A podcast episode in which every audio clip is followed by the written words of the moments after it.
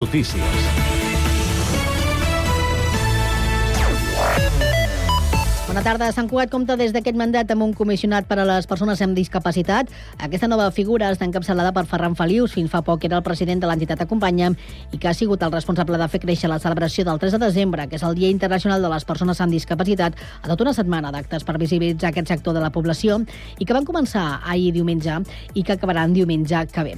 Entre els objectius es marca per aquests quatre anys ja que la Generalitat obri una oficina de drets socials a Sant Cugat i també que es pugui construir l'Escola d'Educació Especial.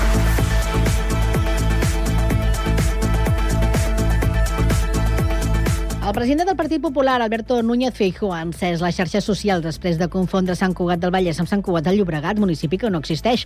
En un míting des de la Rioja, Feijóo ha protagonitzat aquesta relliscada que ha fet bullir la xarxa social X, amb centenada de comentaris sobre aquest lapsus. Entre els comentaris podem trobar la del, del tinent d'alcaldia de Relacions Institucionals, Bon Govern i Ciutat Digital, Jordi Puigneró, o el del periodista Sant Cugatenc, Jofre Llombard, entre d'altres. Experiències del Banc de Temps arreu del món es troben aquest dimarts i dimecres a Sant Cugat. La Casa de Cultura acull les jornades internacionals del Banc del Temps i Benestar Emocional amb una desena de conferències, taules rodones i espais de debat. És el primer cop que l'estat espanyol s'organitza una iniciativa d'aquestes característiques que comptarà amb la participació en línia de representants arreu del món, de l'Equador, el Regne Unit, Corea del Sud, Mèxic, Portugal, els Estats Units i la Xina. Tot plegat és una proposta de l'Ajuntament, l'Associació Iberoamericana de Banc del Temps, el Banc de Temps de Sant Cugat i l'Associació Salut i Família. Valldoreix ja ho té tot a punt per viure un dels moments més màgics de l'any. La vila donarà el tret de sortida a les celebracions del Nadal aquest divendres, 1 de desembre, amb l'encesa de llums. Les propostes culturals i tradicionals prenen protagonisme en una programació que culmina al vespre del 5 de gener amb la cavalcada dels Reis Mags que estrena recorregut.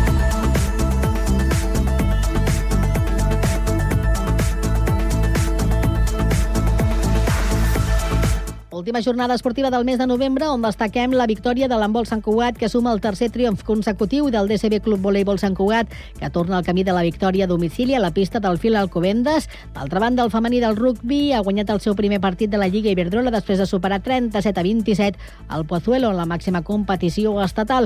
Poden consultar els resultats de la jornada esportiva del cap de setmana a Cugat Mèdia a www.cugat.cat.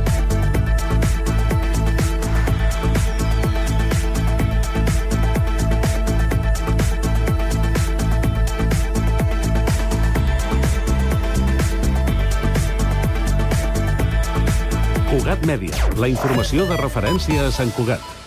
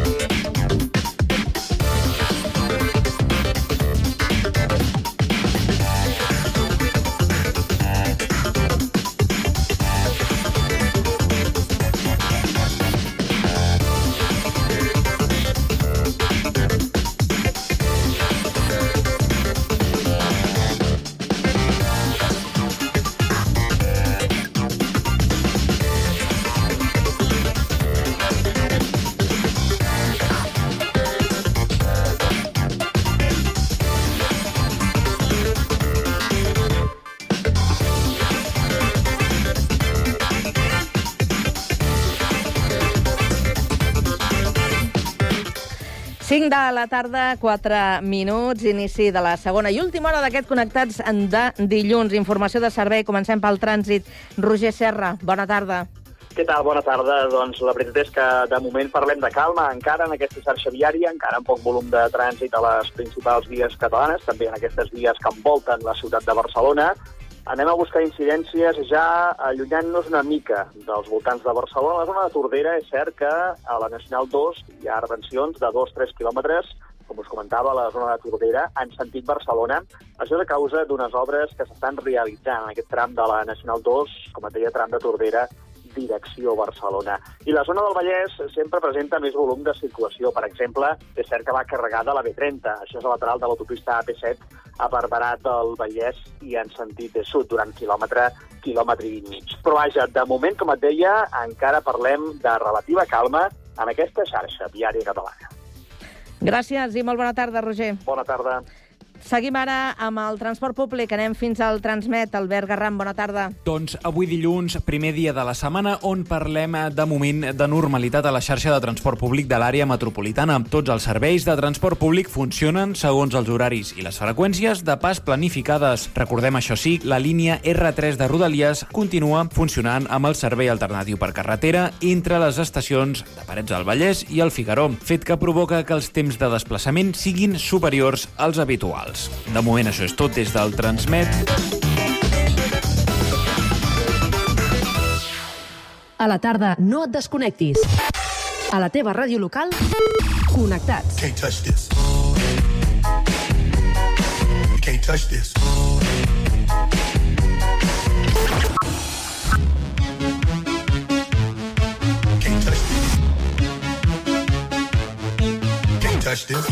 Connectats amb Carme Rebell.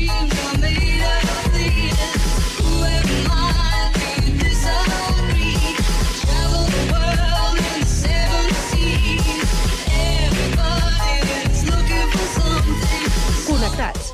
Una experiència radiofònica a Sabadell, Terrassa, Sant Cugat, El Prat, Castellà i Badalona.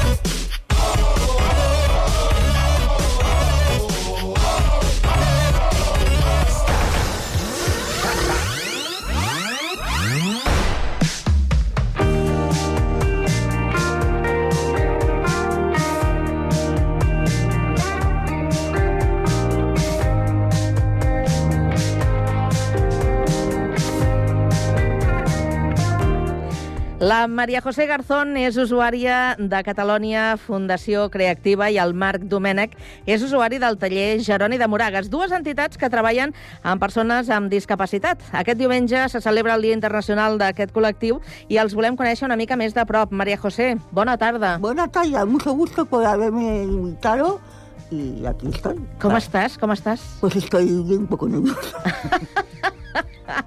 Però si tu estàs acostumada a venir a la ràdio. Yo estoy acostumbrada, pero cada programa que hago me siento como, antes de empezar, luego ya me voy relajando, yo sola, sola, sola, ya me voy llevando. Però escolta'm una cosa, és diferent a que tu facis el programa i, i estar tu de locutora o a que et preguntin i estar d'entrevistada és diferent? Mm, sí, es eh, total diferente. eh, que me entreviste a que yo hacer un programa que yo ya me he preparado y, y ya sé. I tant, quina raó que tens. I la Maria José, com dèiem, ella eh, fa programa amb el seu grup eh, aquí a la ràdio, però el Marc Domènech, molt bona tarda, Marc. Bona tarda. Tu també estàs acostumat a venir a la ràdio. Sí, Tu també fas eh, un espai amb els teus companys del, Sí. del taller, oi que sí? sí, I com li preguntava la Maria José, és molt diferent estar d'entrevistat a entrevistar tu? sí, Sí? una mica. Què t'agrada més? Fer el programa. Ai, a tu també, Maria José? Hacer el programa. Eh, bé, avui us volem conèixer una mica més eh, personalment. Maria José, et puc preguntar quina edat tens, tu? Sí, eh, son 60 años el 3 de julio. 60 anys. 60, sí, Molt bé. sí. El día 3 de julio. I, De año de 63 nací. I escolta'm una cosa, tu ara vius a Valldoreix. Eh, bueno, he tenido que vivir valores. eh, Ya en, Bas- en Barcelona, 52 años. Mi madre tenía 88. Tuvo un ictus y, se, y me tuve que, bueno, de la mañana salirme de mi casa. Antes estuve en la Fundación Boscana y luego ya encontré plaza aquí y, y aquí estoy. Y llevo casi nueve años. O sigui que tu vivies primer a Barcelona abans de venir aquí a Valldoreix? Porque mis padres eh, vino del pueblo a Barcelona, porque antes había fábricas y había más trabajo. Entonces, eh, yo nací en el pueblo, A on? Eh, a quin eh, poble? Com es diu el teu poble? eh, Quespo, la provincia de Ávila. Pero me vino, me vine de meses y entonces luego ya, nada, 52 años que ha estado. Clar, o sigui, la teva infància l'has passat aquí, a Barcelona. Sí, a Barcelona. Pero luego cada en el verano eh, teníamos una casa que era de mi tía y, y de mi madre, de las dos, y íbamos con los abuelos. Eh, los abuelos de parte de mi madre. Y bueno, estábamos tres meses, que me iba muy bien, y luego ya veníamos para acá, para eh, probar, eh, hacer eh, una hora, eh, yo antes estaba haciendo hora básica, pues renovar eh, el, el curso nuevo. Eres. Hasta los 16 años que estuve en la escuela. I escolta'm una cosa, eres bon estudiant? Eh, así, así, porque me tuvieron que poner una chica clases particulares en casa, en mi casa, porque me costaba mucho la básica. Pero mm, era importante eh, ir con gente, mm, bueno, no me gusta decir, no, gente. mm, O sigui, tu normal. anaves a l'escola, Iba a la escuela, pero Mm. no una escuela especial, no, una escuela normal. la que hi havia en el teu barri. Era en, que- en mi barrio, cerca de casa, teníamos que escuchar el, el parque y, y ahí estaba, 10 minutos, nada. I escolta'm una cosa, tu què volies ser de gran? Quan, quan eres petita i pensaves, a mi de gran m'agradaria ser... Pues mira, yo cuando eh, estaba en casa, pues estaba con la música. Venga a escuchar música, con la radio, me ponía la radio. Cuando estaba enferma, pues eh, estaba en la cama, que estaba con, a lo mejor con alguna gripe, pues Mm. me ponía la radio y escuchaba programas y programas y programas. Y mm, también escuchaba la, eh, el programa también de Encarna Sánchez por la noche, que resolvía muchos casos también.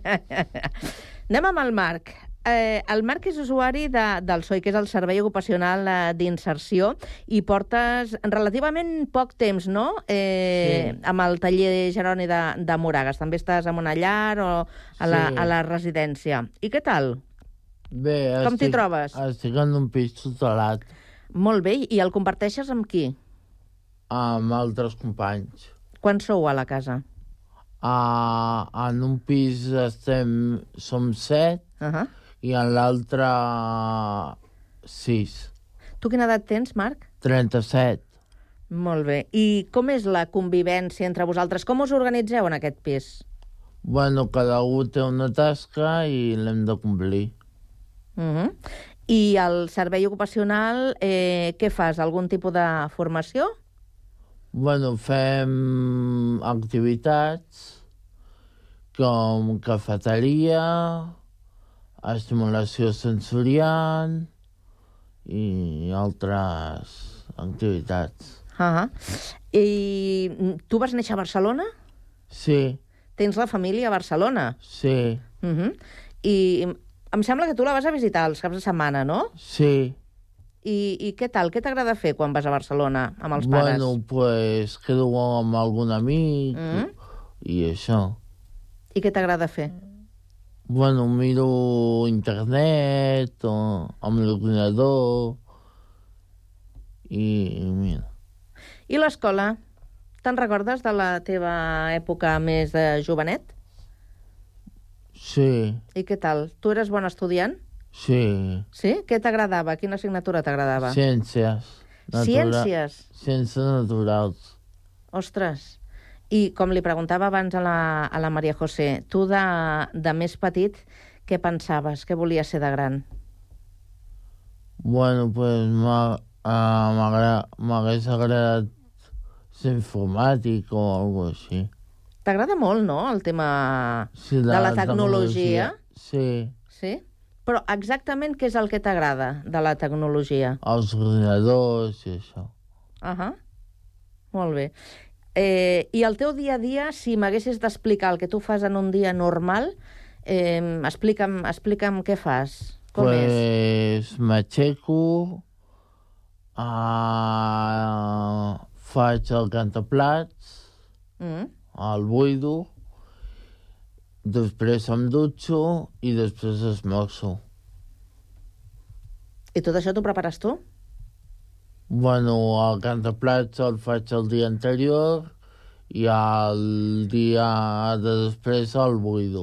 Però dic l'esmorzar. L'esmorzar te'l prepares tu. No, tenim una companya que fa la tasca De preparar els esmorzars. els esmorzars. Jolín, jo també en vull una d'aquestes. eh, Maria José? Yo también. Hombre, cualquiera.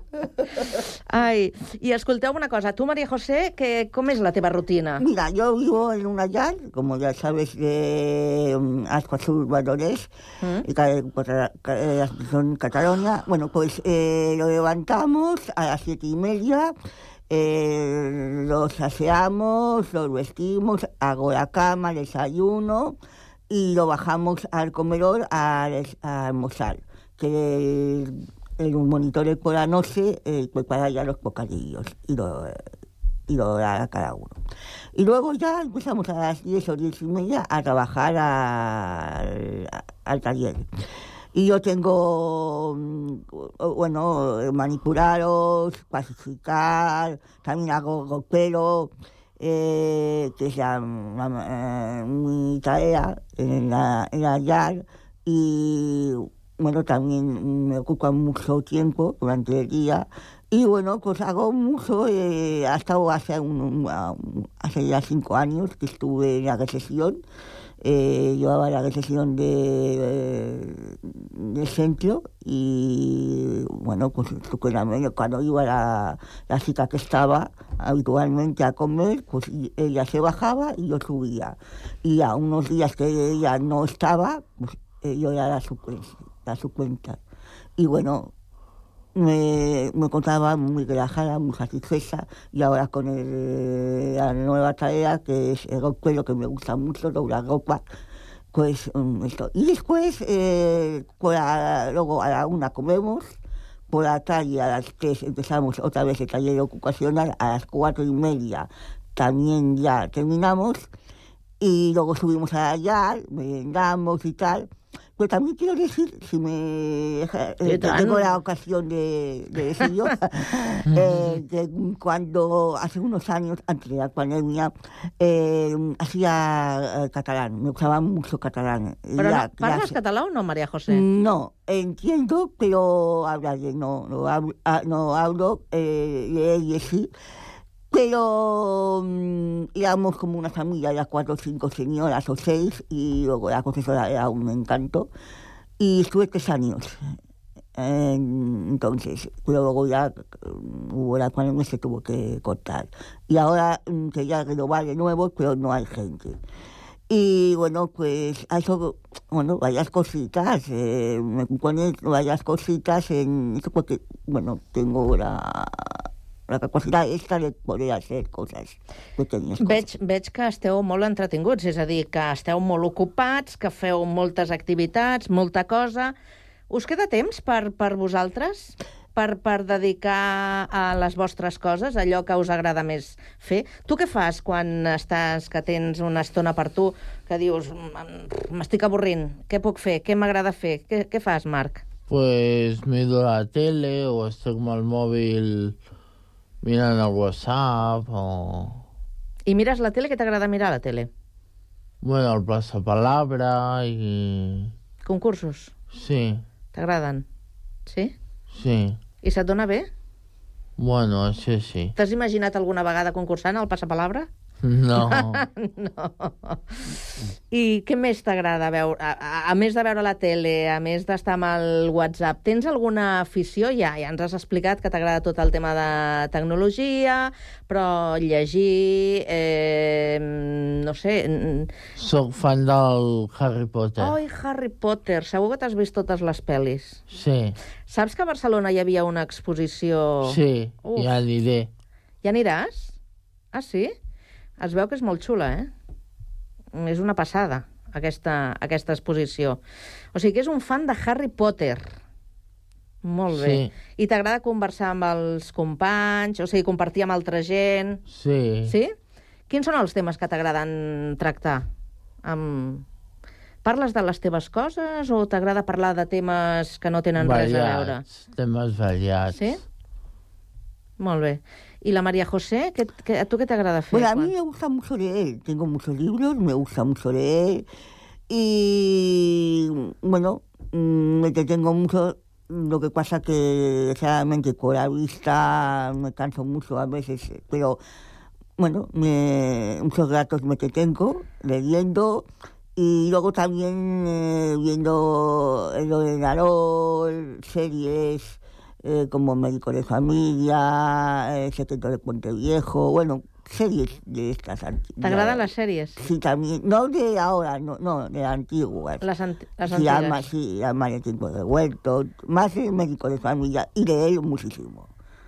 I quin tipus de lectura t'agrada? És a quin gènere? T'agrada el terror, el No, thriller, el que les no- romàntiques? Pues mm, románticas. Les romàntiques t'agraden? Sí.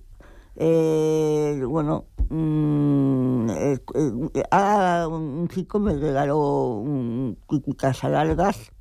Luego también, eh, eh, bueno, mucho esto la- la Alicia, esto, la Alicia, eh, un libro que, que se llamaba eh, Alicia de la. Luego, bueno, muchos, muchos tengo, que tengo muchísimos. Mm -hmm. Estem arribant ja al final, eh? Això s'ha fet molt curtet.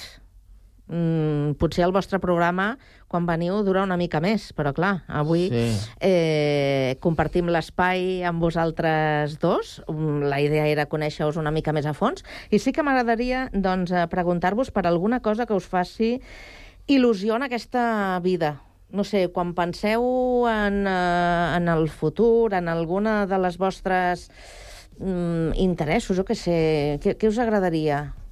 Interessos. mm, Digue'm una cosa que et faria il·lusió a la vida. La María vida, José. pues, bueno, de estar en mi casa, que evidentemente no puedo estar, la vida que hacía antes, y, pero bueno, como eso no, no puede ser, pues lo que tengo. Lo que tengo me quedo con ¿Estás él. feliz? Sí. ¿Estás Y gracias, contenta? con, sí, estoy muy contenta. Uh -huh. I tu, Marc? Eh, pues... M'agradaria veure els... Est... Bueno, és una il·lusió, però no es pot fer perquè és massa cara. Quina? Però és veure els estudis de Londres del Harry Potter, Uh, però val un, pas, un paston. Però, bueno, ja em conformo amb l'exposició aquesta a Barcelona, que és quasi, quasi el mateix. Mm. Estàs feliç, tu? Sí. Sí? Doncs escolta, això és el que compta. A mí también lo que me gustaría, lo pido de aquí ahora, que puedo, tengo la oportunidad, es que me ofreciera un programa eh, para hacer de radio una, una vez a la semana. Eso estaba, eh, llevo muchos años Tu pidiendo. estàs demanant un programa a la ràdio, senyors. Apunteu, eh? María José Garzón. Es el sueño de mi vida. Tu vols explicar la teva vida i necessites un programa per explicar. És que... No, eh, no, explicar la vida no. Que es mi sueño de mi vida de hacer un programa un- ¿Veus? una, sema- una vez a la semana o una vez al mes. Ya no digo. Això estaria molt bé. Aparte del que hago. Molt bé. Doncs escolteu, eh, ens ha agradat molt compartir aquesta estona amb vosaltres Gracias. i gràcies Gràcies. per haver acceptat la nostra invitació. Gracias a, a vosotros por habernos Gràcies a vosaltres. Una abraçada, que vagi molt bé. Vale. I want that red velvet. I want that sugar sweet. Don't let nobody touch it unless that somebody's me. I gotta be a man. Southern California day. I don't wanna play no games. You don't gotta be afraid. Don't give me all that shy shit. No makeup on. That's my sugar. Yes,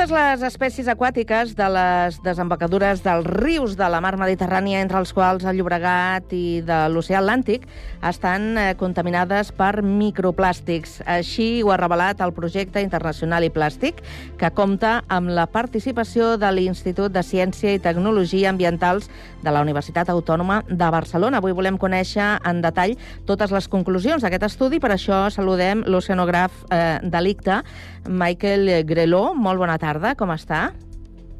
Hola, muy buenas tardes, muy bien. I també saludem eh, des dels estudis del Prat Ràdio la nostra companya Rocío Santaufèmia. Rocío, bona tarda.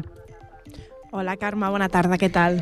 Bé, doncs eh, avui parlem d'un tema que, que n'hem eh, tractat en altres ocasions al, al Connectats, però ara volem conèixer exactament les conclusions d'aquest nou estudi. Y, en primer lugar, eh, Michael, para todo el mundo que nos esté escuchando, vamos a, a intentar a, a aclarar exactamente qué son los microplásticos y los nanoplásticos. Y, y nos explicas cuál es la diferencia entre unos y otros.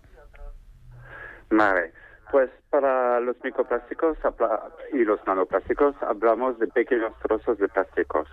Para los microplásticos miramos a fragmentos de menos de 5 milímetros bajo un micrómetro, es decir, un milésimo de, milímetro. Y debajo del micrómetro tenemos los nanoplásticos, aún más pequeños, que son un milésimo de un micrómetro, muy, muy pequeños. Mhm. O sigui que no són eh, perceptibles a simple, a simple vista, ens passen com molt desapercebuts, no? No, no, eh, la gran mayoría no se pueden ver con, ah, con los ojos. Ujú. Eh, ¿Cuáles son las principales conclusiones de este estudio que ahora comentábamos, después de analizar la presencia tanto de los micro como de los nanoplásticos en, en estuarios y en las costas adyacentes? Sí, bueno, tenemos varias conclusiones, pero la primera, claro, es que todas las especies eh, marinas que hemos analizado durante el proyecto eh, han comido microplásticos, que, que sean los peces, que sean las gambas, los moluscos como las merellones, las ostras. Todos estos organismos eh, comen microplásticos. Tenemos concentraciones más altas, más bajos, dependiendo de, de la especie, pero todas ah, que sí van a consumir microplástico. Y estos microplásticos que, que están eh, en el medio, ambiente, en medio ambiente, en el agua, eh, sí, es una parte de, de la contaminación que, que comen estos organismos. Eso es una de las primeras conclusiones. De hecho, Michael, eh, según aportáis lo- los científicos profesionales del sector, esta contaminación por nanoplásticos puede ser incluso aún más problemática que por microplásticos, ya que pueden representar un mayor riesgo para los organismos de estas especies. ¿Cómo puede afectarles en concreto la, presencia de estos nanoplásticos? Bueno, en día de hoy no sabemos exactamente el impacto que puede tener eh, los micro y nanoplásticos sobre la salud de los organismos marinos o del ser humano. El problema con los nanoplásticos es que son tan pequeños que pueden pasar directamente eh, dentro de las células de, de los organismos. Que no es realmente un problema para los microplásticos, que son más grandes y aquí se, se quedan en eh, el estómago, el intestino y tal. Pero los nanoplásticos son más pequeños que sí, que pueden entrar dentro de, de las células. Y el problema es que no sabemos si pueden dañar las células, si pueden tener, por ejemplo, un, ah, un impacto sobre ah, el, ah, el DNA, no sé cómo se dice, eh, el ADN de, de las células de los organismos, o si pueden tener otro eh, impacto peligroso para los organismos. Esto necesitamos más estudios para saberlo exactamente. De hecho, habéis analizado diferentes zonas. Algunos datos que se extraen de este estudio son preocupantes, como por ejemplo que la cantidad de partículas acumuladas en el sedimento ha aumentado las últimas décadas al mismo ritmo que lo ha hecho la producción mundial de plásticos.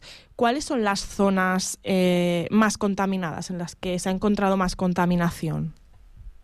Bueno, la contaminación más alta está en la franja costera, por supuesto, porque una gran mayoría de, de esta contaminación por microplásticos proviene de, de la tierra, ah, alrededor de los ríos, en los estuarios, por supuesto, porque los ríos es una fuente también de microplásticos, porque por ejemplo tenemos eh, las plantas de tratamiento de aguas residuales que van a echar el agua, digamos, limpio directamente a los ríos, pero aún llevan microplásticos.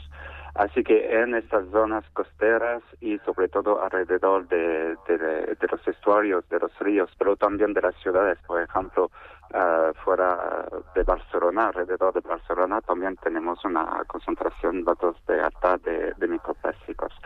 Y hay que saber que, que no todos los microplásticos flotan.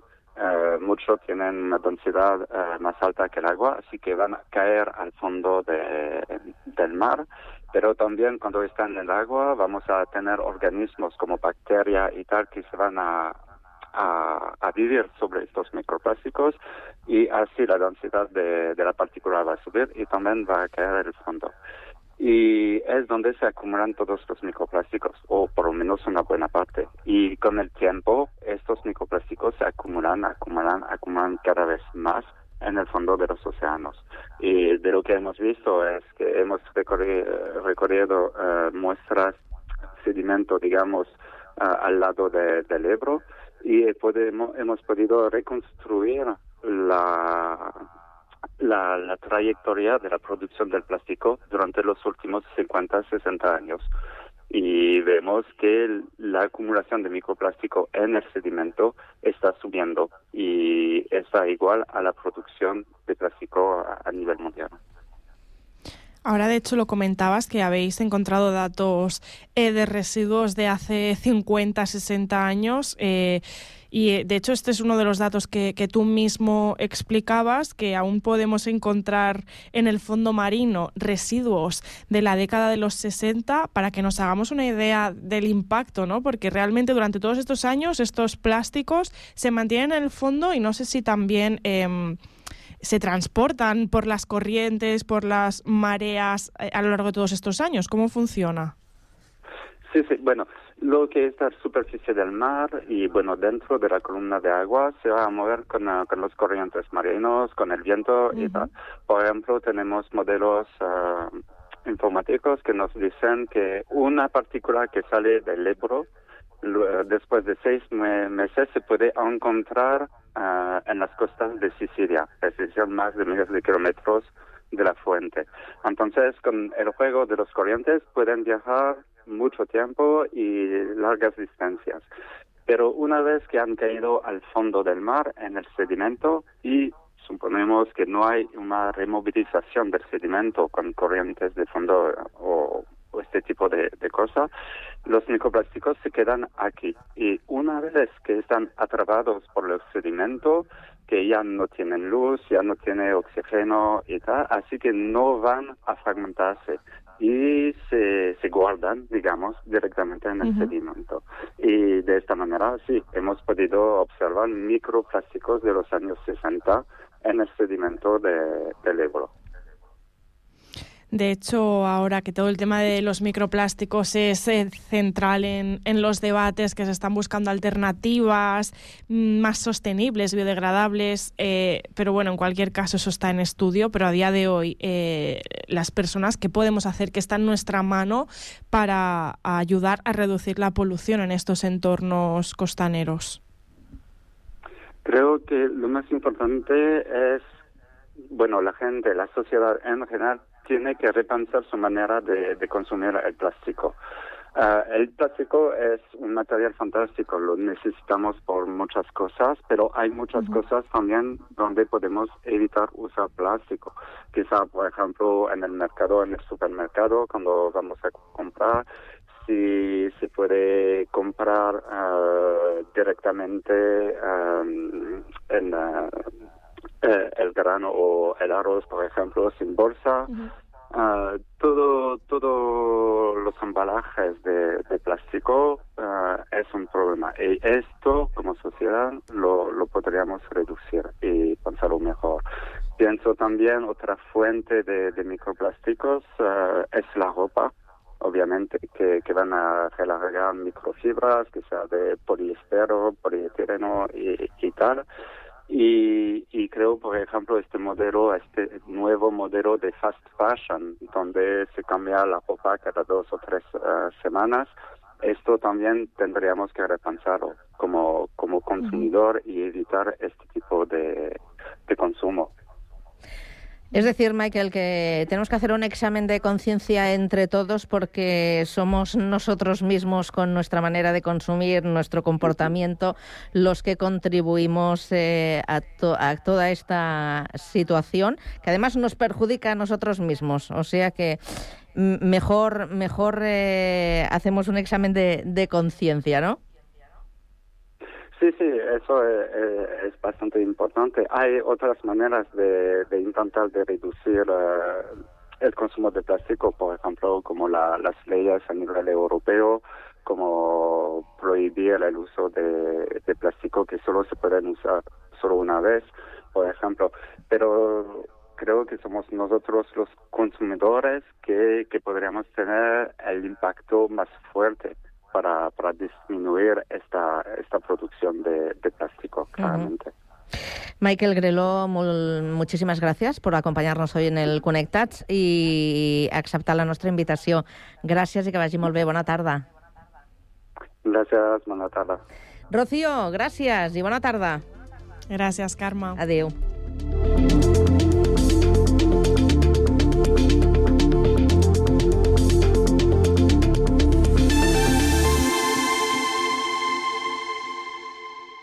Hola, sóc l'Arnau del Prat i us recomano que aneu al teatre a veure L'alegria que passa, un musical de Degoll de Gom sobre la gran obra de Santiago Rossinyol. El musical, dirigit per Marc Rosic, Andreu Gallent i Ariadna Peia, compta amb l'excel·lent interpretació de l'actriu Àngels Guanyalons, que torna a col·laborar amb la companyia després de Maricel el 98. A l'obra trobem un poble gris i monòtom que veu trencada la seva rutina gràcies a l'arribada d'un espectacle musical, la companyia ha sigut contractada per l'alcalde del poble i propietari de l'única fàbrica. Joan, el fill de l'alcalde, que és a punt de casar-se amb la seva parella, s'enamora de la gran estrella Zaira i vol fugir amb ella lluny del poble gris. Zaira, en canvi, està esgotada de la seva vida nòmada i desitja quedar-se a viure al poble i portar una vida amb tranquil·litat. Al seu costat, en Puc, agressiu mànager, la maltracta creient-la de la seva propietat i li exigeix que continuï l'autoritat i fals demòcrata alcalde obliga el seu fill a desistir dels seus somnis. Mentre la representació de nit es prepara, en Clou i l'alcalde veuen les conseqüències que comporten els seus dos mons, que els seus dos mons es barregin. La durada és d'aproximadament 100 minuts i ara mateix els podreu veure voltant per diferents teatres de Catalunya, com Olot, Valls, Vic o Sant Cugat. A més a més, a partir del 9 de desembre, l'obra torna al Teatre Polorama i els podreu gaudir fins al 28 de gener. No us la perdeu.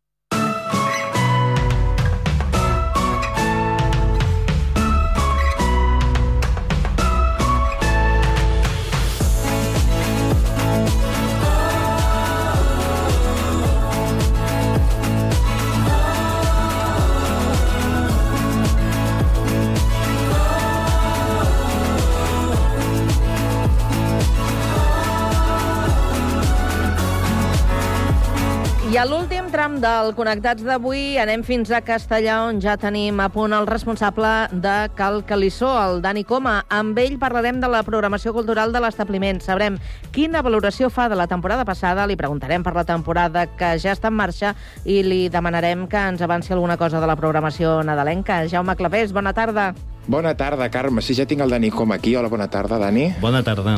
Com, com t'anomenem? Ets el responsable? Ets la figura clau? Ets el, ets el de Cal El, el concessionat. El concessionat.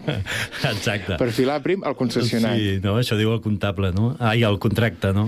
Uh, sí, el concessionat, no? L'encarregat de, de, de portar el Calissó i la Sala Blava, sí, sí. I per la gent per la gent que no és de castellà, perquè aquest programa ens escolta en altres localitats, com definiries Cal Calissó? Mira, això és un, un espai de l'Ajuntament dividit en dos, no, diguéssim, de, per una banda un edifici històric que actualment és un bar, no diguéssim, i després la Sala Blava, que és un espai que hi ha a l'entrada del poble, un molt recinte de l'espai Tolrà, que és un, que és un espai que està a dispo, a disposició de totes les entitats del poble en, en els que se'ls se ofereix un servei de bar. I en el Calissó Cultural, que és el que ens interessa avui, que és el que hi ha una programació de cultura Ah, exacte. estable. Sí, sí, Ara ja sí. portes un any, m'has dit fa Eh. just abans de començar, un any i uns mesos. Quina valoració fas d'aquest primer any programant cultura des de Cal Calissó?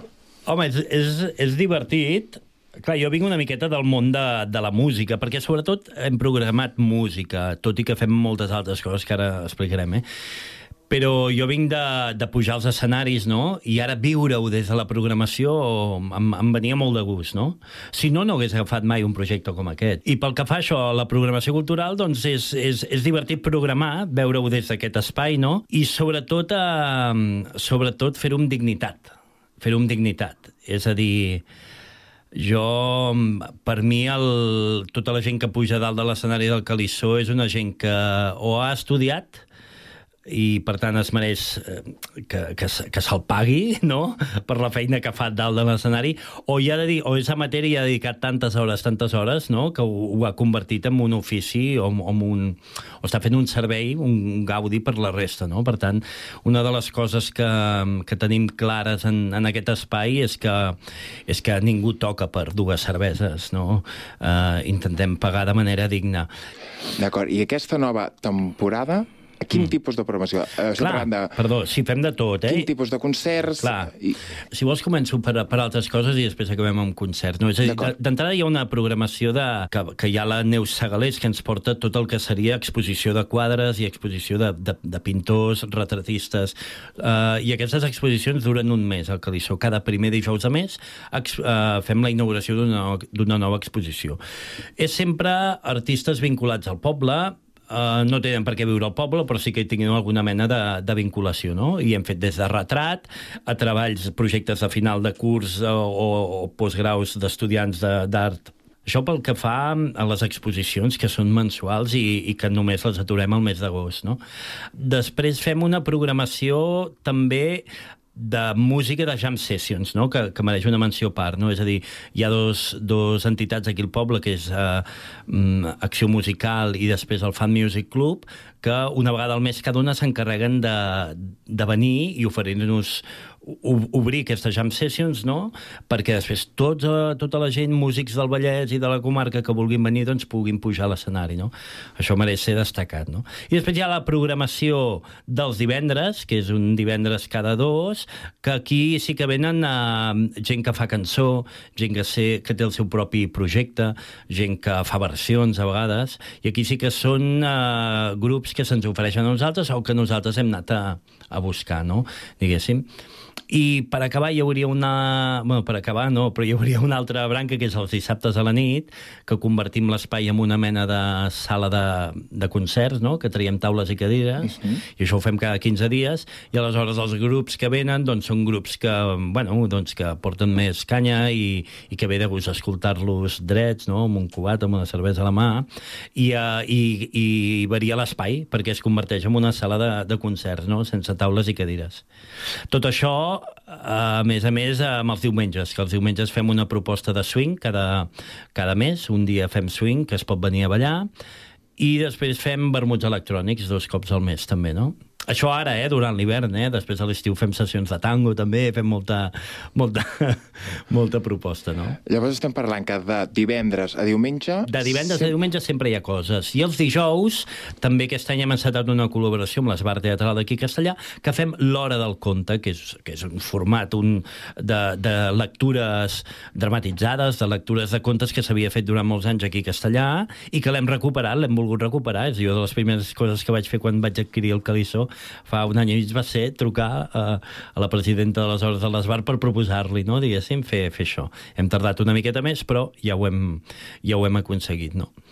I després una altra cosa que és superimportant i que, i que passa cada vegada més és que és un espai obert a les entitats del poble.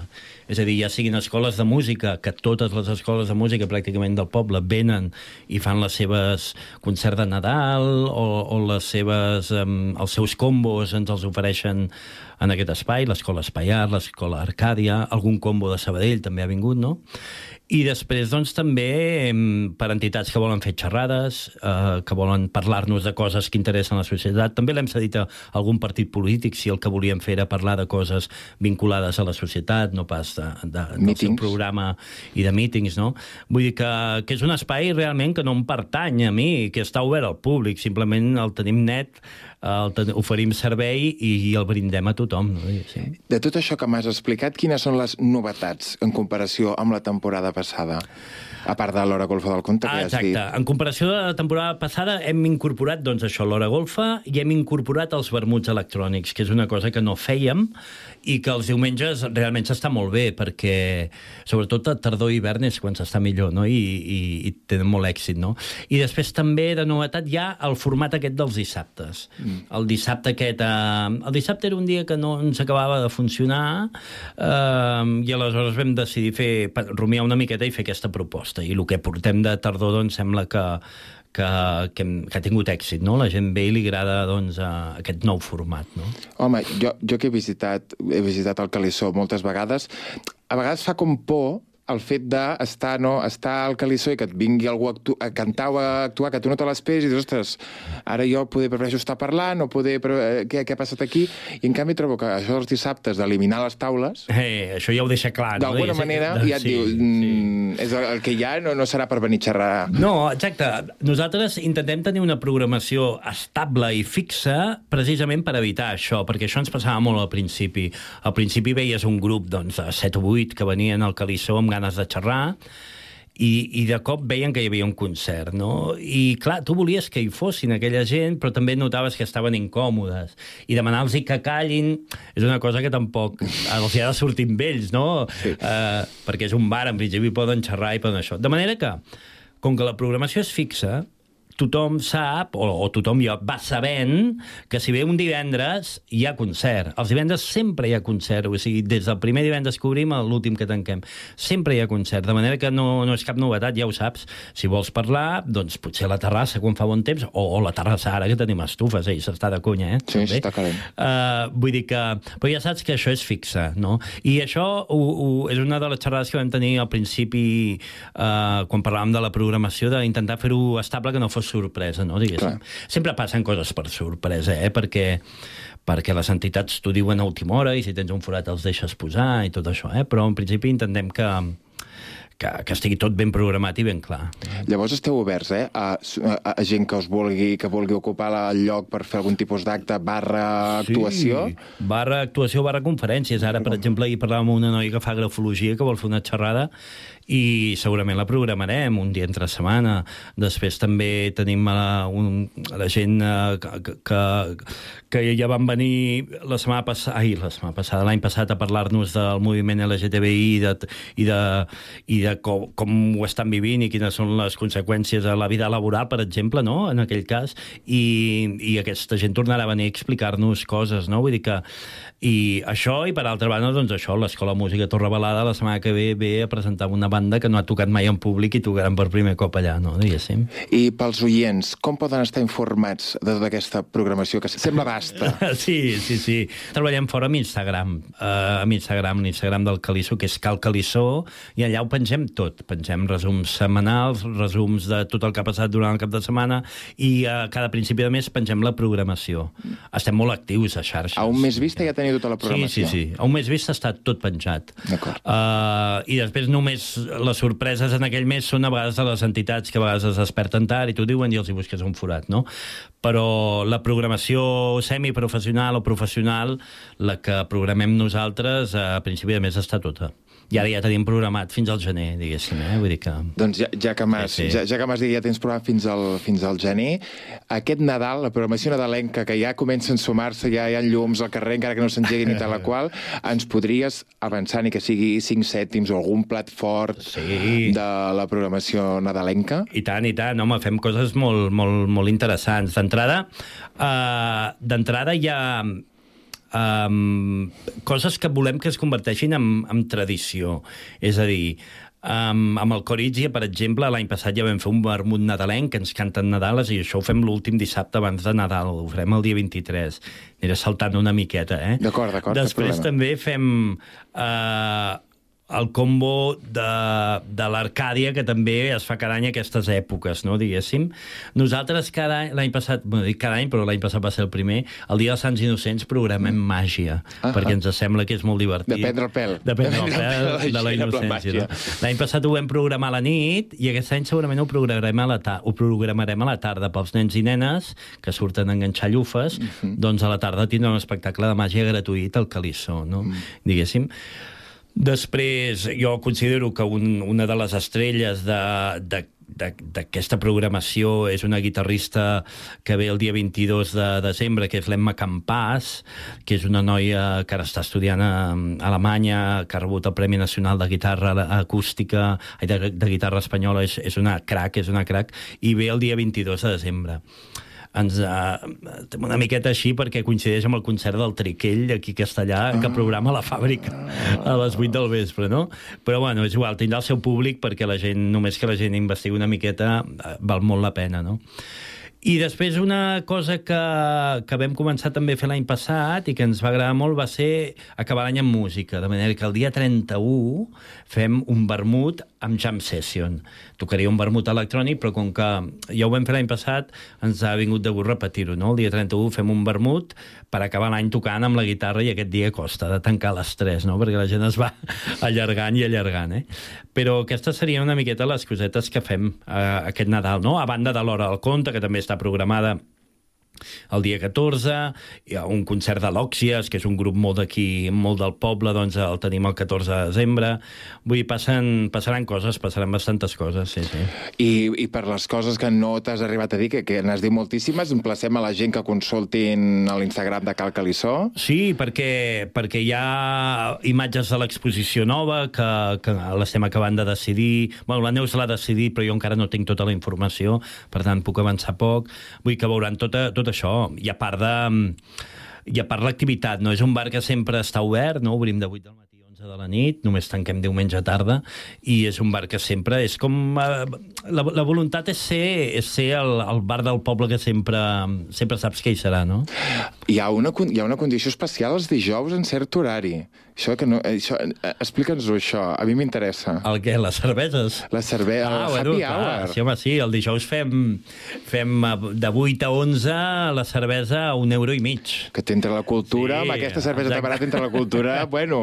No sé si ve més gent per l'hora del compte o per No, la per la cervesa, mesa, no se sap. Però no, però és una proposta que, que agrada molt i els dijous doncs, eh, doncs tenim a bastanta, a bastanta gent, no?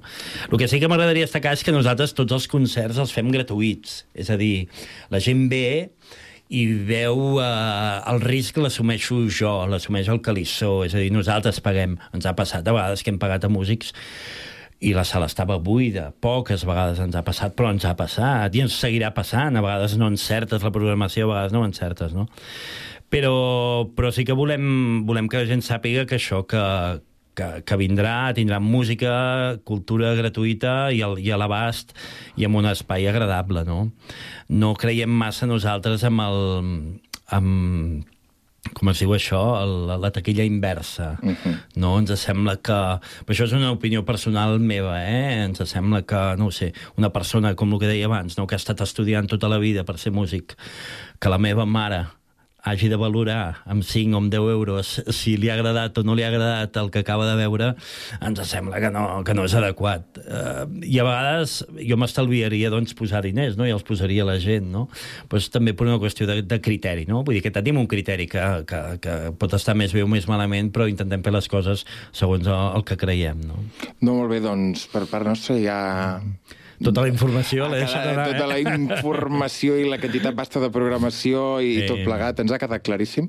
Moltes gràcies per passar pel Connectats, Dani. A vosaltres. I res, seguirem en contacte per seguir fent valoracions de la programació. Clar que sí, i és un espai obert a tot el Vallès, eh? vull dir que tenim escoles de música a Sabadell que venen, eh, hem tingut alguna escola de Rubí que també ha vingut, vull dir que, que és un espai obert a, a, a propostes i a gent i a escoles. Molt bé, moltes gràcies, Dani. Gràcies a vosaltres.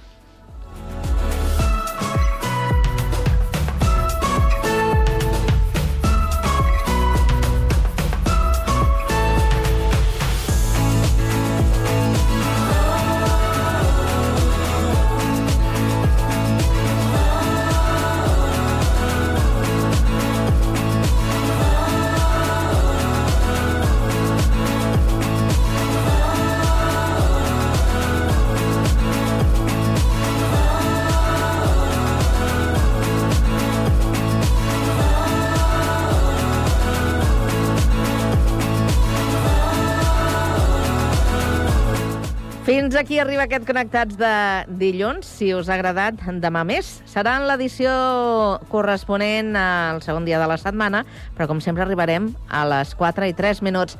Gràcies per acompanyar-nos. Un plaer. Bona tarda.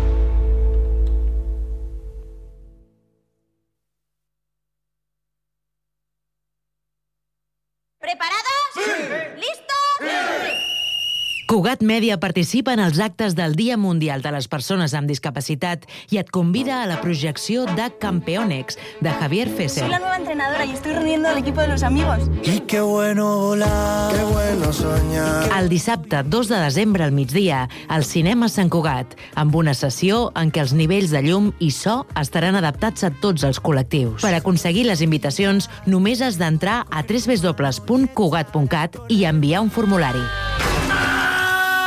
Si voy a saber hacer esto, entrenadora. Cugat Mèdia. Som especials. Com tothom. A mí esto me parece un peligro. ¡Bingo! No és el mateix ser els integrants del millor grup de la història que ser el millor grup de la història. Per això, el grup català Occident serem Occident, perquè per continuar assegurant-ho tot, tot i tot, ens havíem d'ajuntar tots, tots i tots. Entra a seremoccident.cat.